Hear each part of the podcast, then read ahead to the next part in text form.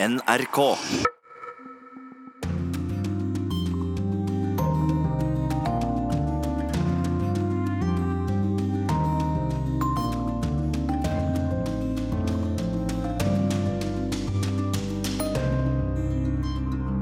I Sverige har to borgerlige partier krysset blokkgrensen og støtter nå sossernas Stefan Löfven som statsminister. Valg triller også i Kongo, der flere bestrider at den erklærte vinneren har vunnet. Fire menn må nå svare for seg i tysk rett, tiltalt for tyveri av en gullmynt på 100 kilo. Og russisk fjernsyn rehabiliterer en av hovedarkitektene bak den russiske revolusjonen, Lev Trotskij. Dette er Urix på lørdag. Jeg heter Gro Holm, og korrespondentbrevet forsøker å forklare hvorfor fredsprisvenner Nadia Morad virket så trist under utdelingen før jul. I går ble det klart at Stefan Löfven trolig får fortsette som statsminister i Sverige. Over fire måneder er gått siden riksdagsvalget i september, men nå har to av, i den, av partiene i den borgerlige alliansen skiftet side. Her er Senterpartiets leder Annie Løf i går.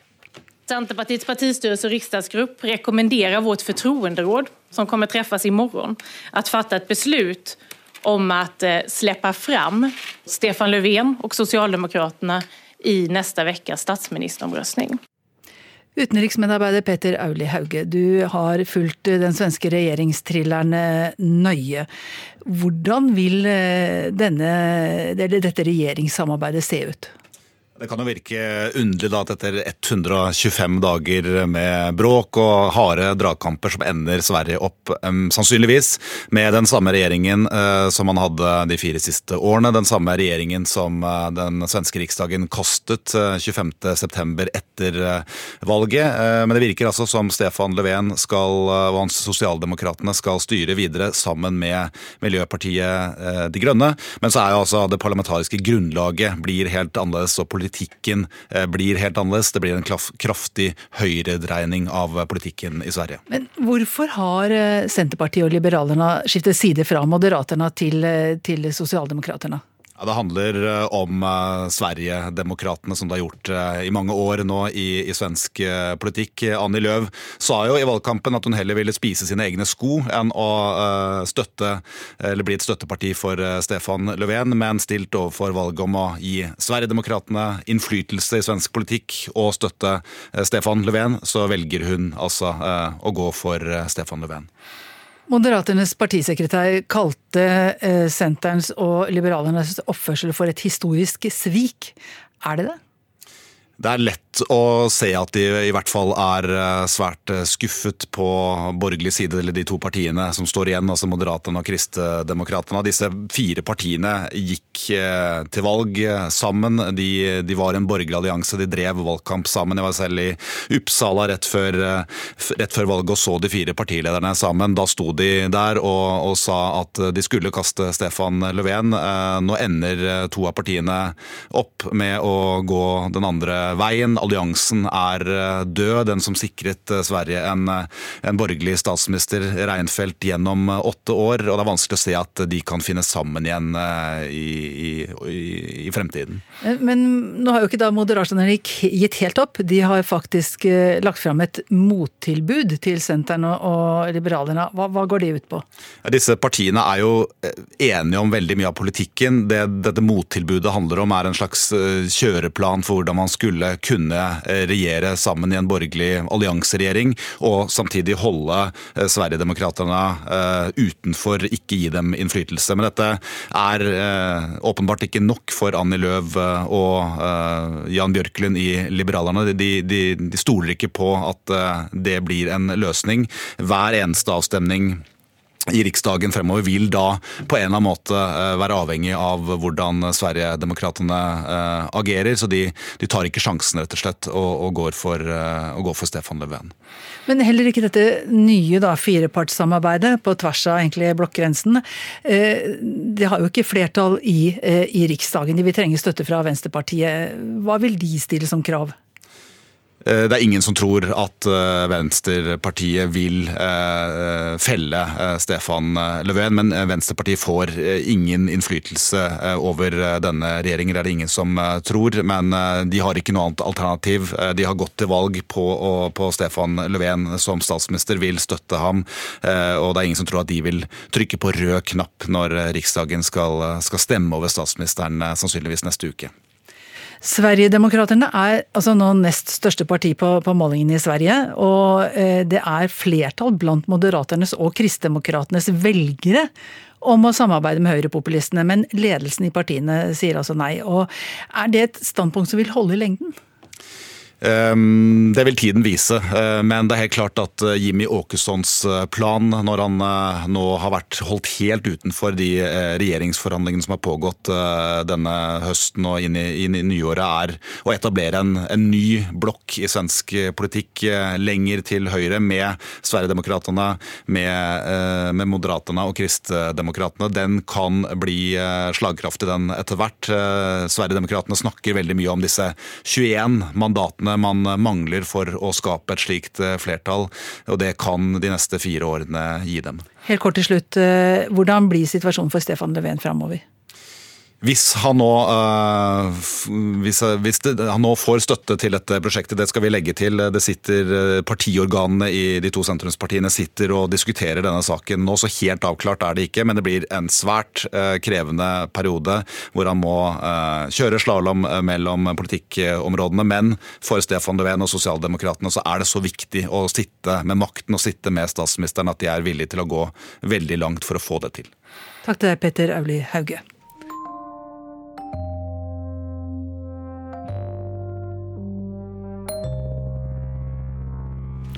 Denne uka fikk befolkningen endelig resultatet av presidentvalget i Den demokratiske republikken Kongo. Valget ble holdt den 30. desember, og på torsdag kunngjorde valgkommisjonen at opposisjonskandidaten Felix Tshisekedi skal overta etter 18 år med Josef Kabila ved roret. Men en annen opposisjonskandidat, Martin Fayolo, sa i går at det var han som vant og vil gå rettens vei. Vår utenriksmedarbeider Marit Kolberg har mer.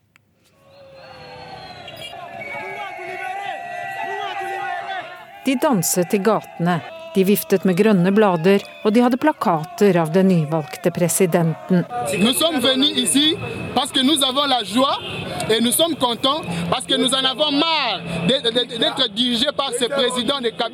Vi er glade nå, vi er lei av Kabila, sier denne mannen. Men andre er rasende. I Kongo har håpet vært at man skulle få det første fredelige maktskiftet siden uavhengigheten i 1960. President Joseph Kabila har sittet på overtid. Han overtok vervet etter at faren hans, den forrige presidenten, ble drept av en av livvaktene sine i 2001. Dette presidentvalget skulle vært arrangert for to år siden, men noe kom liksom hele tiden i veien. Enten var det vanskelig å få gjennomført et skikkelig manntall, eller ble det vist til at situasjonen i landet var for urolig, og det var den, grunn av protester fordi Kabila bare ble sittende. Et nytt ebolautbrudd satte også kjepper i hjulet for valgavviklingen i dette enorme landet.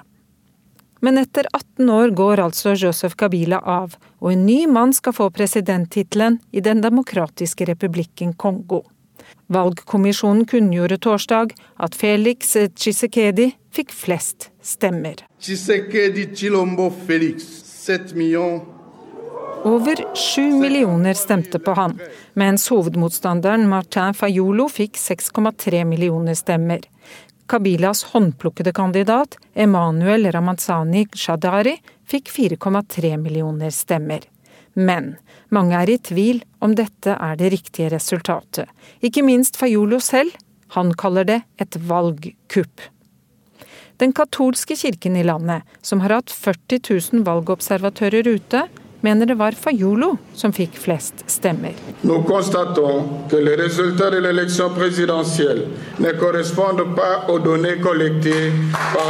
Og kirkens talsmann fikk applaus da han uttalte at det offentlige resultatet ikke er i tråd med tallene fra deres observatører.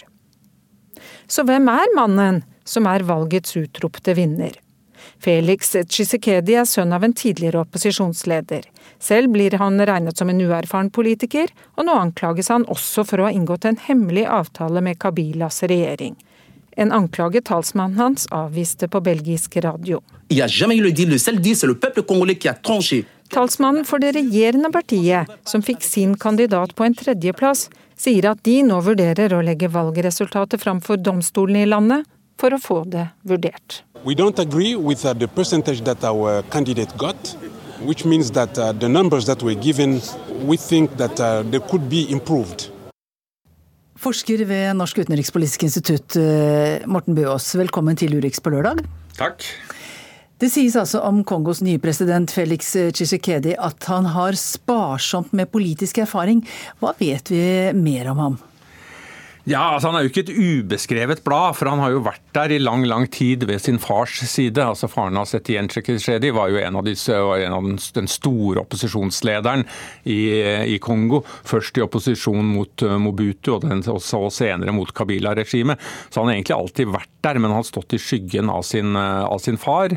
Og har på mange måter vært en lojal sønn for sin far, og uh, gjort mye av partiarbeid, den type ting. Så han har vært i skyggene, men han har vært der hele tiden. Så det er ikke sant at han ikke har erfaring, men han har ikke den type ledelseserfaring som eh, f.eks. hans far hadde, og kanskje heller ikke den eh, karismaen. Hvor sannsynlig tror du det er at det stemmer disse ryktene om at Tshisekedi har inngått en avtale med den avtroppende presidenten eh, Joseph Kabila? Det er ikke helt umulig, men jeg er ikke sikker på om vi noen gang kommer til å komme helt til bunns i hva som har skjedd der. Det, er, det kan jo tenkes at Kabila-regimet har lagt en plan A og en plan B. Plan A var at eh, Shadari, altså deres kandidat, skulle vinne valget. At man skulle klare å, Enten at han skulle vinne ved egen hjelp, eller at man skulle klare å hva skal man si, manipulere et valgresultat til hans fordel. Men så hadde man kanskje også en plan B, som gikk ut på at kanskje han kommer så lavt at eh, det ikke nytter å manipulere noe valgresultat. Og der kan det jo så klart ha vært en avtale med, med Felix Sekretjedi da han hele tiden, gjennom hele valgkampen, har vært mer forsonende overfor Kabila-regimet enn det den andre opposisjonskandidaten Martin Fayul eh, har, eh, har vært i valgkampen. Men er, det, mulig å si noe om hva som skiller de to kandidatene fra opposisjonen, Fayulu og Chisekedi? Det er ikke så godt å si egentlig noe som, hva som skiller noen av disse tre kandidatene. for Hvis man ser på valgkampen deres, så har de stort sett eh, lovt eh, gode ting som at de skal jobbe for å gjøre livet bedre for Kongo, de skal skape fred, de skal skape stabilitet, og de har alle vektlagt eh, altså bedre styring, bedre governance, alle de riktige tingene. Det er kanskje riktig å si at i hvert fall hvis man tar tar høyde for den arven som ligger i partiet til Felix Tsjeketsjedi fra hans far, så er det kanskje noe her som kan minne om en eller annen form for sosialdemokratisk plattform.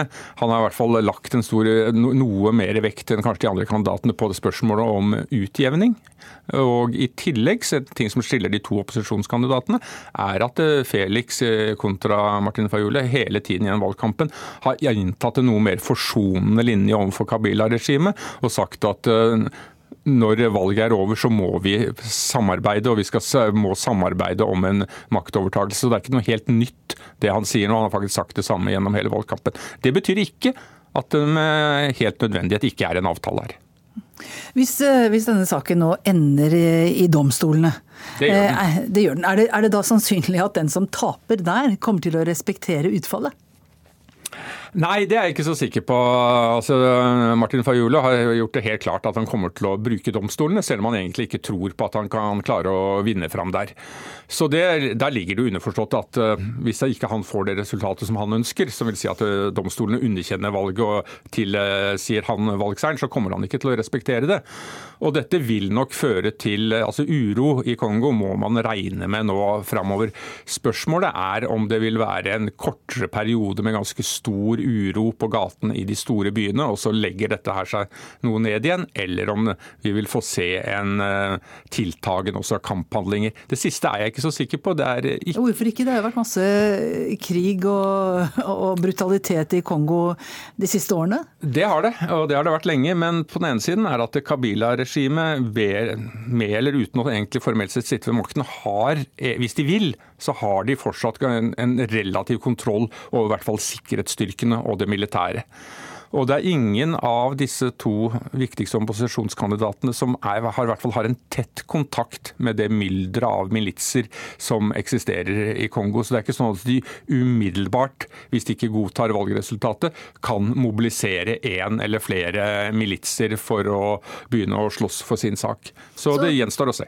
Det gjenstår å se. Det langsiktige utfallet, hva tror du det blir? Blir det mer stabilitet i Kongo etter hvert? Er det noen mulighet for det i det hele tatt? Det er klart det er muligheter for det. og jeg tror at Det beste som kan skje i Kongo nå, er nødvendigvis ikke at man noen gang finner fram til et perfekt resultat, men det beste som kan skje for Kongo er faktisk hvis man skulle klare uansett hvem det blir, å få til en fredelig maktovertagelse fra et regime til et annet. Om det også det er basert på et uperfekt resultat som er manipulert og det er noen avtaler der, så vil faktisk det være et betydelig framskritt. Takk til deg, Morten Bøås. Nå til Berlin, der rettssaken etter et svært spektakulært tyveri startet denne uka. Fire menn er tiltalt for å ha stjålet en gullmynt som veier ikke mindre enn 100 kilo. Og måten de gjorde på, vekker assosiasjoner til en kriminell, men folkekjær trio fra filmens verden, forteller korrespondent Guri Nordstrøm fra Berlin.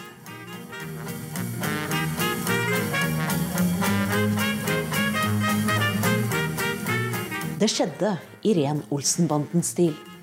Natt til 27. mars for to år siden klatrer tre menn opp på et T-banespor som går forbi Både-museum på Museumsøya, midt i hjertet av Berlin. De har med seg en stige som de setter opp mot bygningen, og ved hjelp av den kommer de seg inn i et vindu på museet. På dette tidspunktet er en av verdens største gullmynter utstilt, lånt ut av en privat samler og til en verdi av nesten 40 millioner kroner. Det er den de er på jakt etter. Den skinnende mynten i rent gull er preget i Canada med det karakteristiske lønnetrebladet på den ene siden og Canadas statsoverhode, britiske dronning Elisabeth, på den andre. Den er en halv meter i diameter, tre centimeter tykk og veier ikke mindre enn 100 kilo. De tre tyvene tar den enorme mynten ut av glassmonteren, legger den tunge gullskatten på et rullebrett og trekker den gjennom museet. Så fester de den i et tau og heiser den ut av bygningen og ned på T-banebrua igjen. Der står en trillebår klar. Og etter å ha rullet flere hundre meter, laster de mynten opp i en fluktbil. Og når politiet kommer til stedet, er det bare en stige, et tau og en trillebår igjen.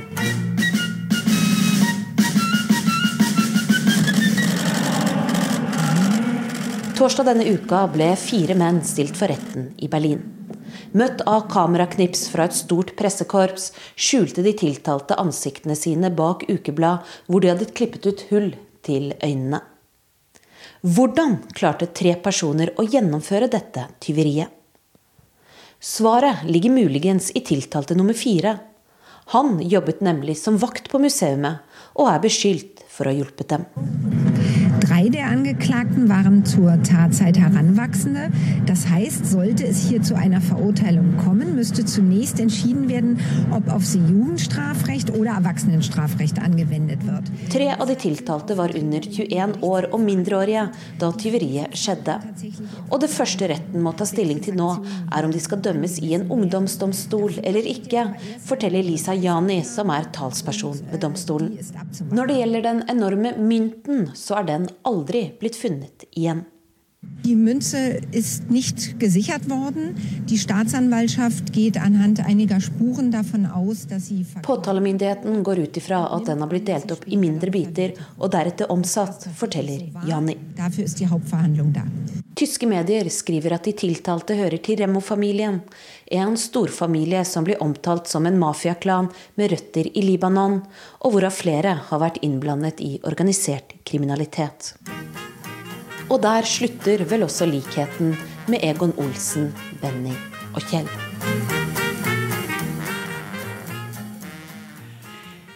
Ja, nå skal vi til det som i hvert fall er en film. For historien om den russiske revolusjonen omtales nå på en helt ny måte for det brede publikum i Russland. Det sier historikeren Aleksandr Korsjunov til NRK. Bakgrunnen er den russiske serien om Lev Trotskij, som senhøstes i fjor også ble tilgjengelig på Netflix. Serien framstiller Trotskij som den viktigste av de russiske revolusjonære i, i de første årene etter revolusjonen i 1917.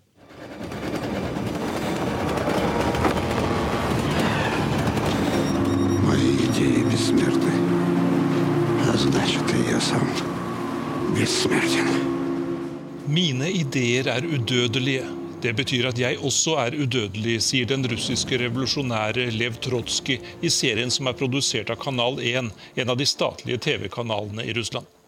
Trotskij var grunnleggeren av Den røde armé, og serien viser hvordan han reiste rundt med tog og fikk sine styrker til å fungere under borgerkrig og innblanding fra andre land.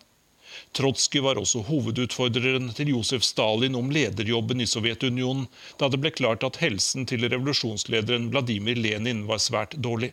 Вот в этом смысле это фильм «Пионер», и он действительно несет некую э, ну, информацию для зрителя современного, который тем более в хитросплетениях того времени еще хуже разбирается. Dette er en pionerserie og et skritt framover i russisk sammenheng, sier den russiske historikeren Aleksandr Korsjunov til NRK.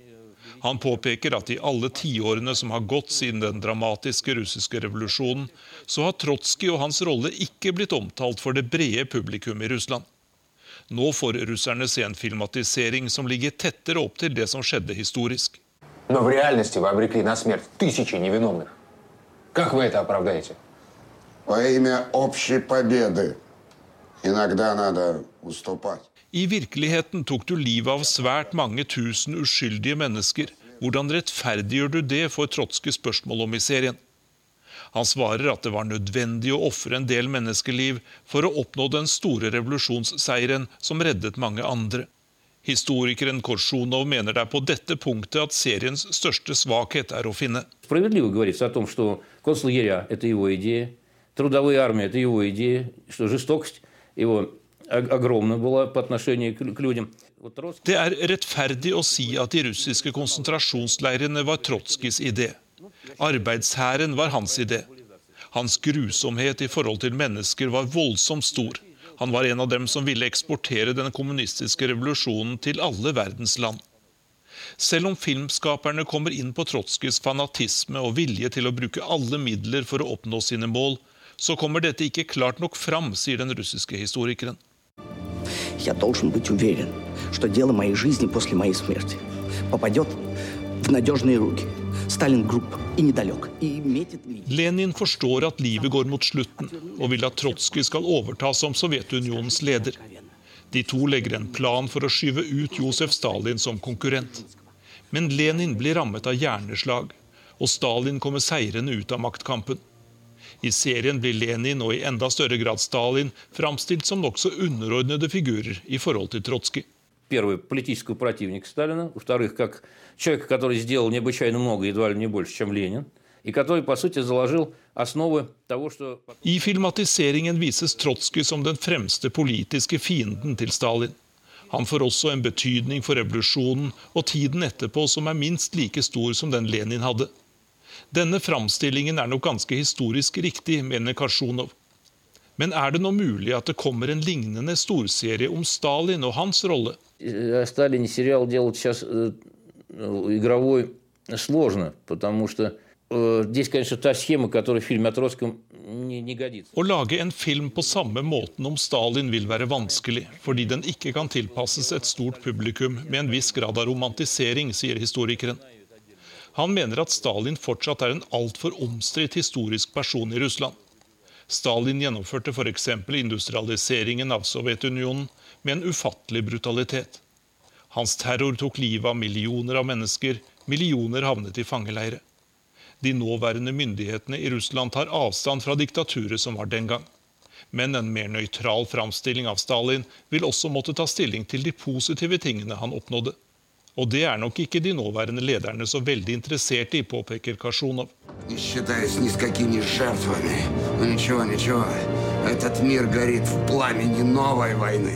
Mot slutten av den russiske serien sier Trotskij at det eneste han angrer på, er at han ikke gikk enda hardere og mer nådeløst fram mot sine motstandere. Stalin forviste Trotskij fra Sovjetunionen.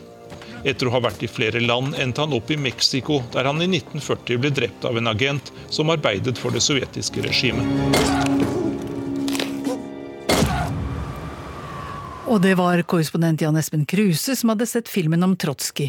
Men det serien ikke nevner, er at Trotskij tilbrakte halvannet år i eksil i Norge fra 1935 til 1936, rett utenfor Hønefoss.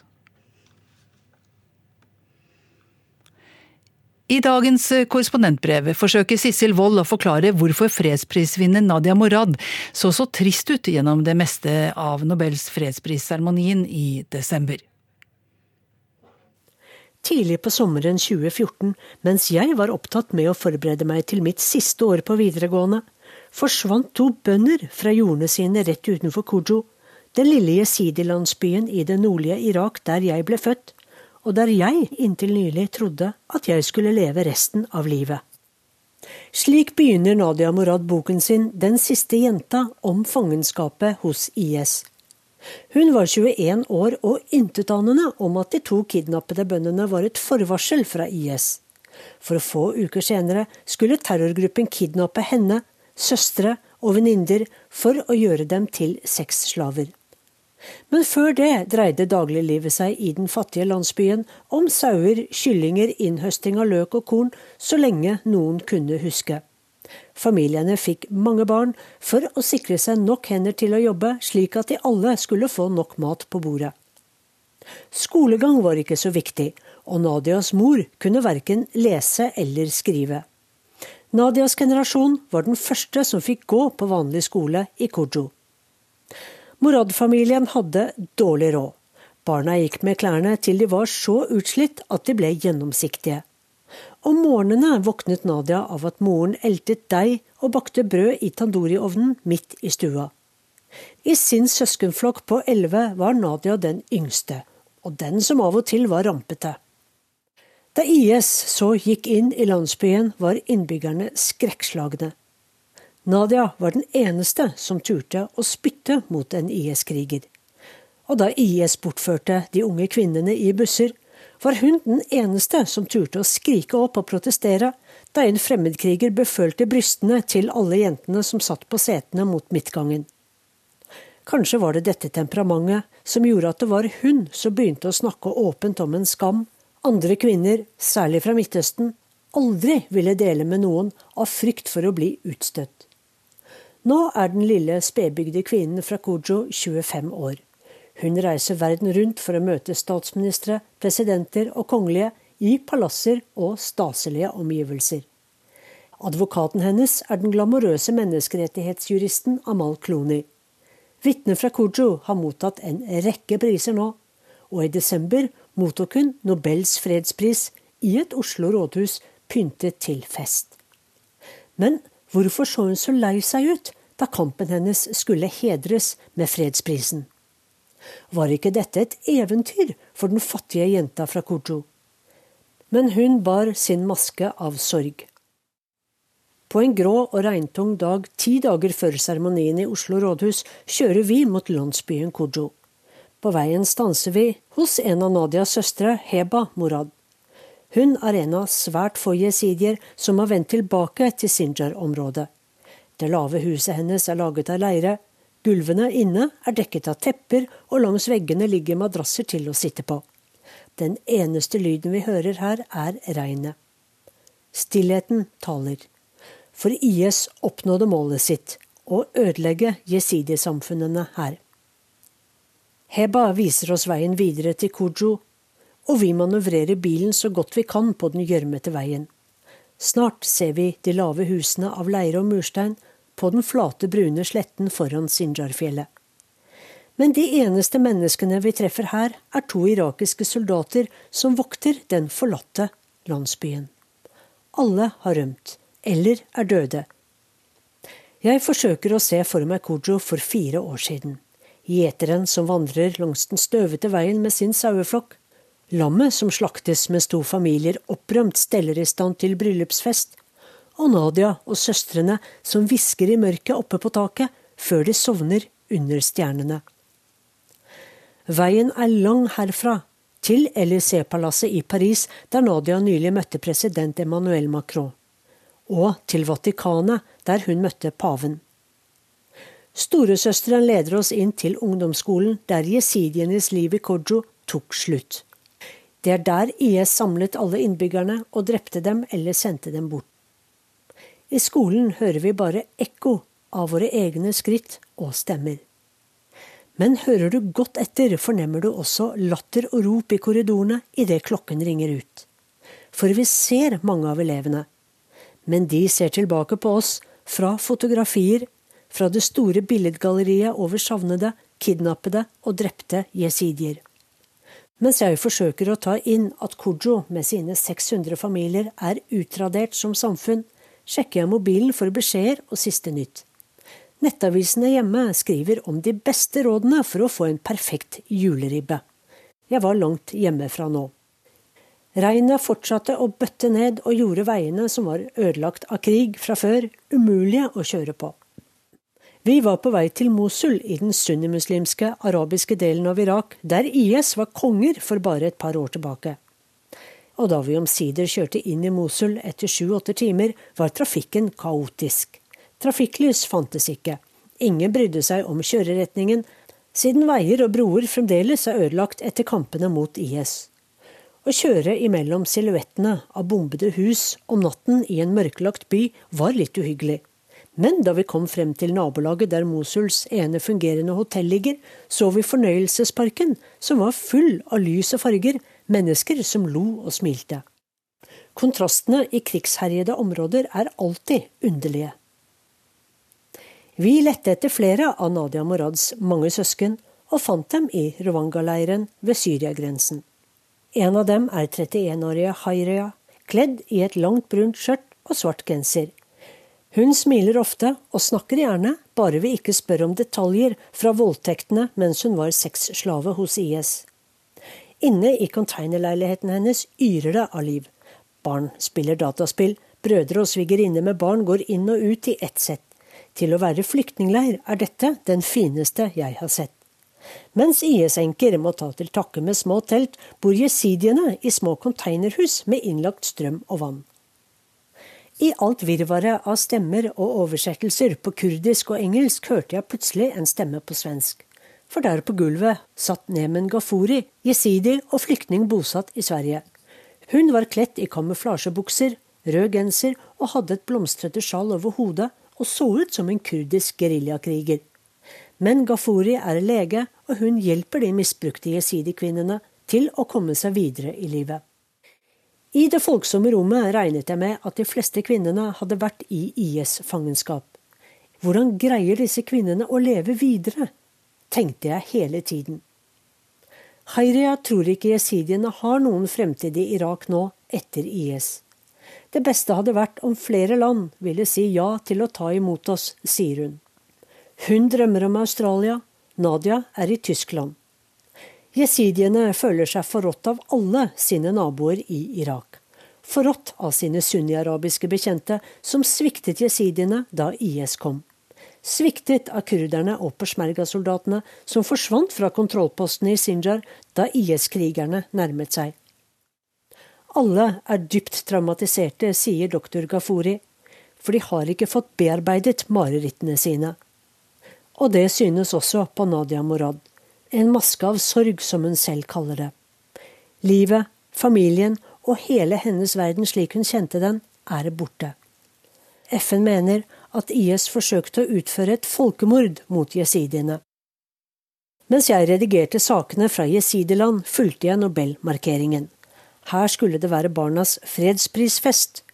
Og flere som skulle på fredsprisbanketten, la ut bilder av gallakjolene sine på sosiale medier. Kronprinsesse Mette-Marit stilte i en kjole til 25 000 kroner. Noen fredspriser feires med fanfarer og glede, som da vi feiret fredsavtalen i Colombia, kampen mot atomvåpen og Nelson Mandela og de Klerk som avsluttet apartheidregimet. Men å juble over en som vitner over de verste seksuelle overgrep, utført av skitne terrorister mot unge kvinner. Det var med blandede følelser jeg så på dette, med den forlatte landsbyen Kujo friskt i minne. Problemene til jesidiene er ikke løst. Fremdeles er 3000 i fangenskap eller savnet, og landsbyene er ikke gjenoppbygget. Fredsprisen er ingenting verdt om ord ikke følges opp med handling, sa Nadia Morad, som kanskje syntes det var litt for tidlig å feire. Hva er det Nadia og søstrene hennes drømmer om? Det de innerst inne ønsker seg, er å komme tilbake til Kujo og fortsette det enkle livet der, sier søsterens lege. Men det er ingenting å vende tilbake til i Kujo. Igjen sjekket jeg nettavisene hjemme. Nå var de opptatt av om det var greit at julenissen spurte om det var noen snille barn her.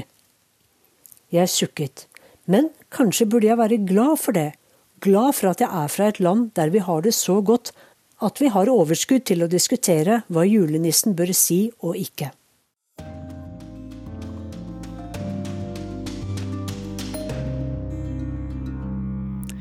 I denne ukas utgave av Krig og fred skal det handle om hvordan det er å være kvinne i India. Det nye året har starta med dametrøbbel i India. Klokka var midt på natta når to indiske damer rundt 40 år gamle lot som ingenting og gikk inn i tempelet. Sabarimala, et pilegrimsmål og et hellig sted. Ifølge Høyesterett så hadde de lov til å gå inn der.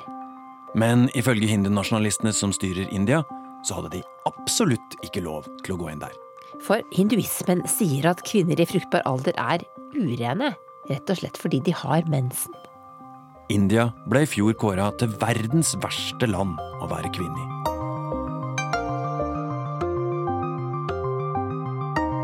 Krig og fred med Tove Bjørgaas og Tore Moland.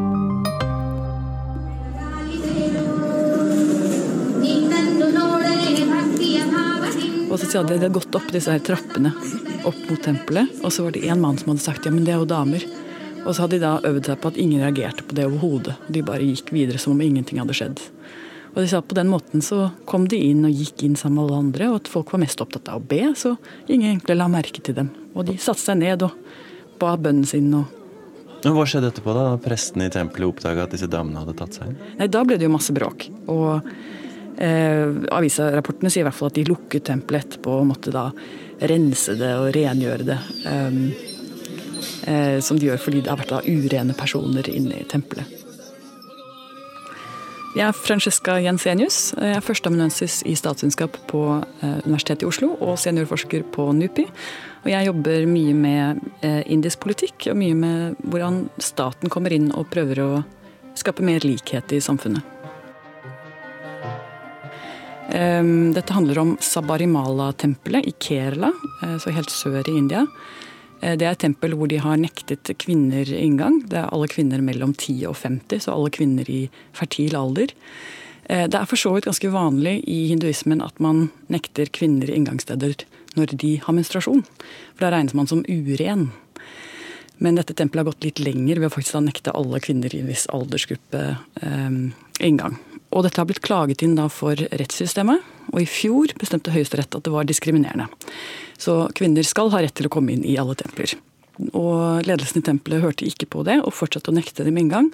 Og dette har da blitt plukket opp og blitt en symbolsak, der kvinneaktivister har gått inn og prøvd å få tilgang, og så har Eh, da, konservative folk som støtter tempelet, har, har, protestert og stått utenfor og skremt dem vekk og hindret dem tilgang. Uh, og nå, uh, For litt siden så var det to kvinner som klarte å komme seg inn. og Tempelet ble da sure og gikk og begynte å skulle vaske tempelet etterpå. og Det endte med å bryte ut kjempeprotester, både for og imot. Så altså Noen støtter tempelet, og noen støtter kvinnene. Ja, Hvor går frontene her, egentlig? Eh, du har jo veldig mange eh, på mer konservativ side som støtter tempelet i at eh, de skal få lov å opprettholde sin tradisjon. De har bl.a. støtte av BJP, partiet som sitter ved makten i India. Og statsministeren Modi har jo gått ut på Twitter og støttet tempelet og sagt at vi skal ikke, vi skal ikke tvinge tempelet til å gjøre noe annet enn det de ønsker. Og så har jo kommunistpartiet som sitter ved makten i delstaten Kerala, har gått ut og støttet kvinnene og sagt at vi er veldig opptatt av sekulære verdier, vi skal ikke ha den type eh, religiøs styring. Disse damene som gikk inn i tempelet, da, ser du på dem som helter, eller ser du på dem som brikker i et politisk spill, eller hvordan ser du på denne historien som på en måte har dominert indiske medier nå rundt nyttår? De var modige, for det er en farlig ting å skulle gå inn i tempelet. Det var flere andre som hadde prøvd. Men de fikk også veldig mye støtte. Det var jo en rekke menn som gikk sammen med dem, og det var farlig for dem også.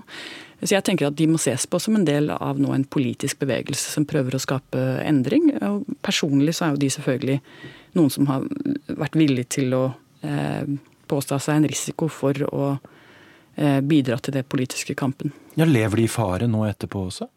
Det vil jeg ikke tro, men jeg vil jo anta at de må være forsiktige. De har forsøkt å holde en litt lav profil, men selvfølgelig vil jo folk vite hvem de er. Uh, things happened in Shabrimala is violation of equality. And I like to establish or uh, implement the judgment given by Supreme Court. And you are prepared to face the consequences? yes, definitely. What, what do you think are the consequences of your visit there? I may killed by the people. Maybe. Jeg kan bli drept, men jeg er ikke redd, for de fleste støtter oss.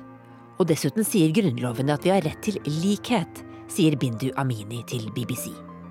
Hun er en av kvinnene som gikk inn i tempelet i Sabarimala. No fear.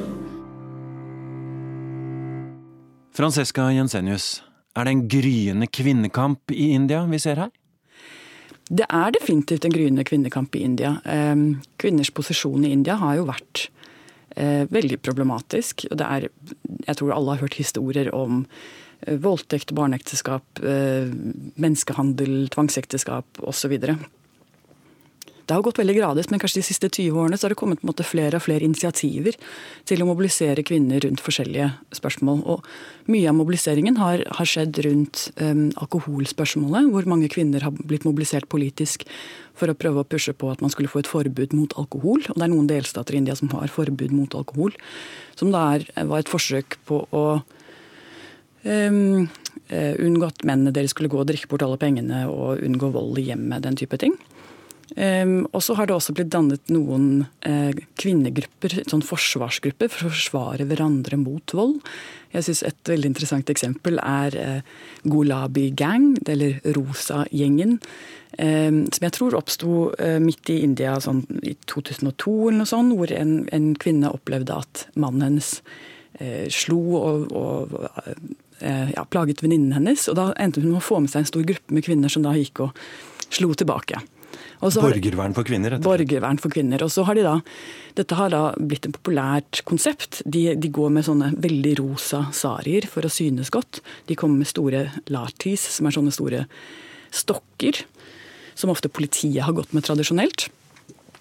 Eh, og så går de rundt da og forsvarer kvinner som har blitt eh, behandlet dårlig på en eller annen måte.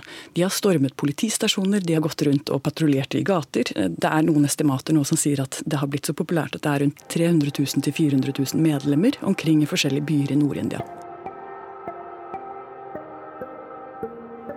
Jeg heter Kristin Solberg, og jeg er eh, korrespondent for NRK. Akkurat nå er jeg i India, litt utenfor Delhi. Du har rett og slett eh, stoppa langs veien du, for å være med oss, Kristin? Det har jeg. Jeg er på vei eh, på en tur eh, til byen Vrindavan fra, fra Delhi, hovedstaden.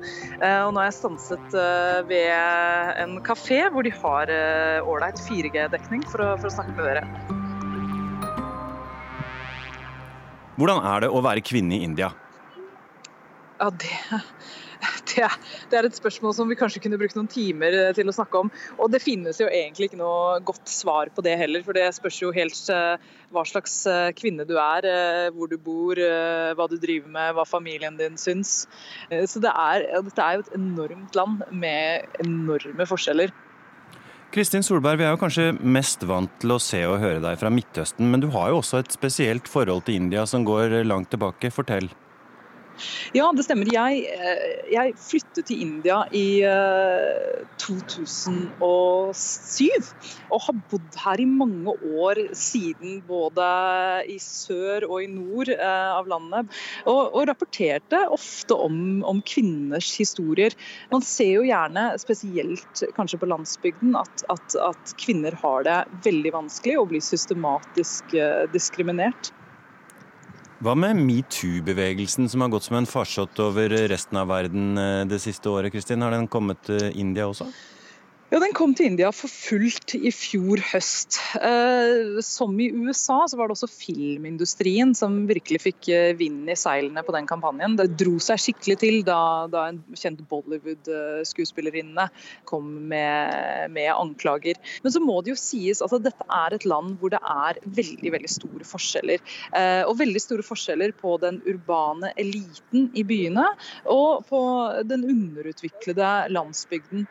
Og for kvinner på landsbygden, så har jo metoo veldig lite å si. Altså Dette er kvinner som gjerne spiser etter at uh, menn i familien har spist. Noen av kvinnene, eller en god del av kvinnene, er utsatt for vold i hjemmet.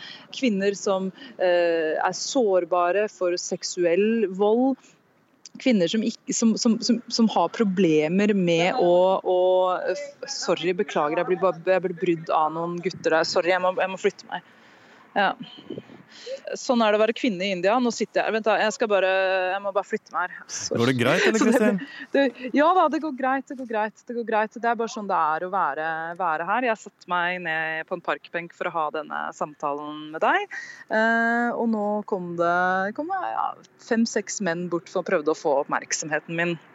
Eh, ganske uønsket tilstedeværelse. Men nå har, jeg, nå har jeg flyttet meg slik at jeg kommer litt bort fra dem.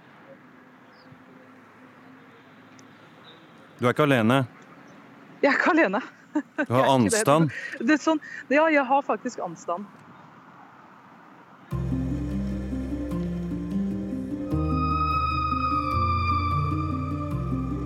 I fjor ble India altså kåret til verdens farligste land for kvinner pga. risikoen for seksuell vold og slavearbeid. Det er verre i India enn i Afghanistan, Syria, Somalia og Saudi-Arabia, som kommer på de neste plassene. Det mener 548 eksperter Thomsen Reuters-stiftelsen har snakket med. Francesca Jensenius, India er verdens verste land å være kvinne i. Stemmer det? En sånn undersøkelse vil, er basert på meningene til folk. Men eh, jeg tror man kan si at det er mange problemer ved å være kvinner i India. Eh, akkurat om det er det verste landet i verden, det kommer litt an på akkurat hvor du er og hvem du er, tror jeg. Men hva er eh, det som er så ille, spesielt ille i India, da? Det som regnes som spesielt ille, og det, det som ble påpeket i den undersøkelsen, var jo at India er et sted hvor man er spesielt utsatt for vold. Eh, både i hjemmet og ute i offentlige rom. At det er utbredt uh, fremdeles å ha barneekteskap. At er ganske, man er ganske utsatt for menneskehandel. og mye, Det er mye salg av barn som kidnappes f.eks. inn i prostitusjon. Og slavelignende eh, situasjoner. Ehm, jeg tror også de hadde med at man ble utsatt for syreangrep. Så et angrep hvor folk kaster syre på deg som straff for et eller annet. Og den type ting er jo utbredt. Og når man er i India, så kjenner man jo veldig på det at det er mange områder der kvinner ikke har noe særlig plass i offentlige rom. Kvinner burde ikke være alene ute. Og man får veldig negative reaksjoner når man går på gaten som kvinne alene. Ja, hvordan er det for deg som kvinne å reise i India? Eh, det kommer jo an på hvilke deler av India. Sør-India er mye bedre enn Nord-India sånn generelt. Og visse byer har forskjellig kultur. Men jeg husker f.eks. jeg gjorde feltarbeid i um, en by som heter Kanpur i, midt i India.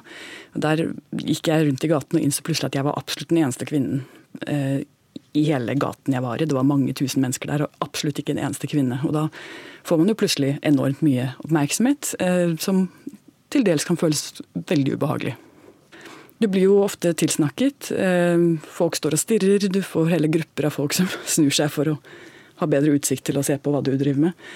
Og det er jo reelt veldig mye angrep og voldtekt eh, i India, så det, man, det føles jo ikke veldig behagelig. Når du er i mer i Delhi f.eks., er det altså veldig vanlig at man blir antastet rett og slett på gaten. India kom da aller verst ut. Eh, foran land som Afghanistan og Saudi-Arabia. Jeg må si jeg stiller meg litt tvilende til det. og Den, den, den, eh, den meningsmålingen fikk også ganske stor oppmerksomhet her i India og ble ganske mye diskutert. Um, hvis jeg skulle kunne velge om jeg vil bli født som kvinne i Afghanistan eller India, så er jeg ikke i tvil om hvilket land jeg, jeg ville ha valgt. Det er India. Men, men, problemet i India ofte er jo at det er veldig stor forskjell på teori og praksis. Hvis kvinner hadde nytt godt av alle de offisielle rettighetene eh, de, de, de, har, så ville jo eh, indiske kvinner hatt det langt bedre enn det de, det de faktisk eh, har. More than 99% women in Kerala supporting this protest. Only a microscopic minority. They are ready to destroy our custom. God is everywhere. But if I am drawn towards a particular place to have a rendezvous with the God, who is going to prevent me? That should be the attitude.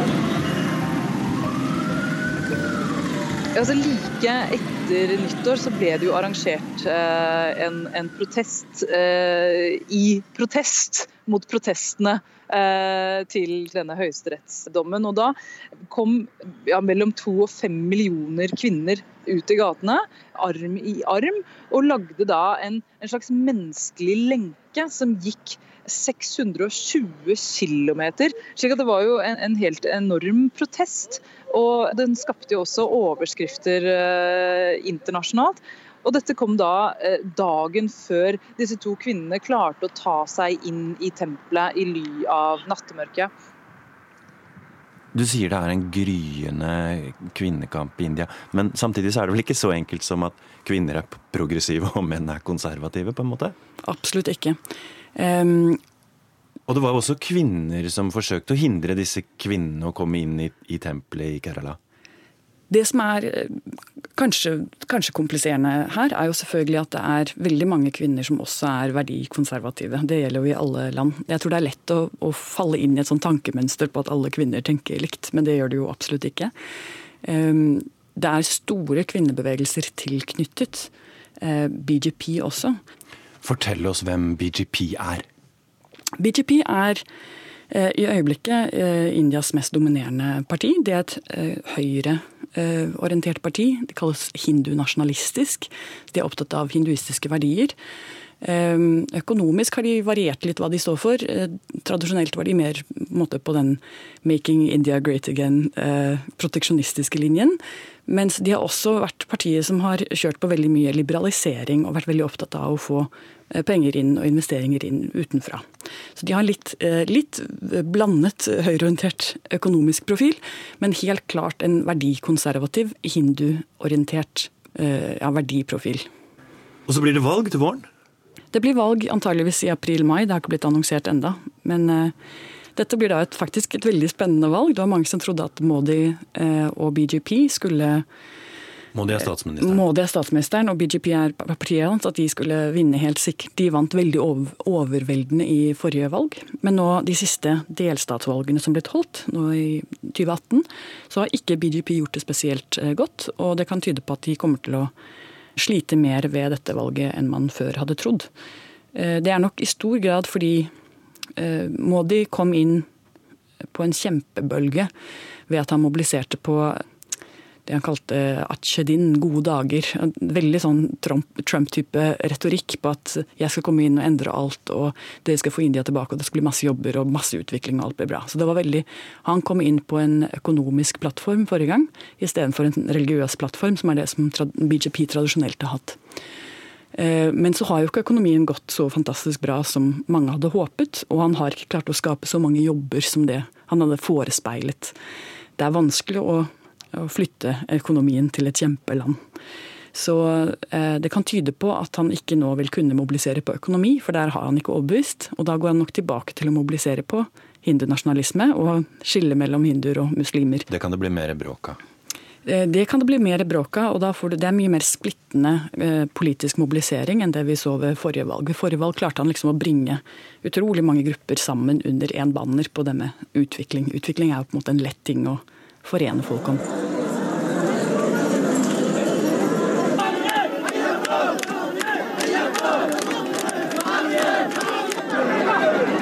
Så dette er rett og slett en sånn type sak der det blir både politisk kamp, religiøs kamp og kvinnekamp som på en måte krysser seg i en helt konkret sak. Skal kvinnene få slippe inn i tempelet eller ikke? Det, ja, absolutt. Dette har blitt en veldig viktig symbolsak. Uh, og jeg tenker også Det er interessant at det faktisk er en kvinnesak som har blitt så stor, som har blitt så viktig. Fordi det religiøse og politiske har vært eh, veldig brennbart materiale i India de siste ja, 30-40 årene, kanskje siden egentlig ja, 100 årene. Det har alltid vært veldig brennbart. Men det at det faktisk har blitt så mye fokus nå eh, rundt en sak om kvinner i tempelet, det er, det er nytt. Det var også flere andre forholdsregler jeg tok da jeg, da jeg bodde i, i Delhi som er jo en, en, en by der det, uh, der det skjer en, en, god del uh, overgrep, uh, og der man kan være ganske utsatt. der pleide jeg f.eks. ikke å ta taxi alene om kvelden. Og hvis jeg måtte gjøre det, så eh, skrev jeg ned registreringsnummeret på taxien. Sendte det på SMS til en venninne og sa her er registreringsnummeret på bilen. Eh, ta kontakt hvis du ikke har hørt fra meg i løpet av 20 minutter.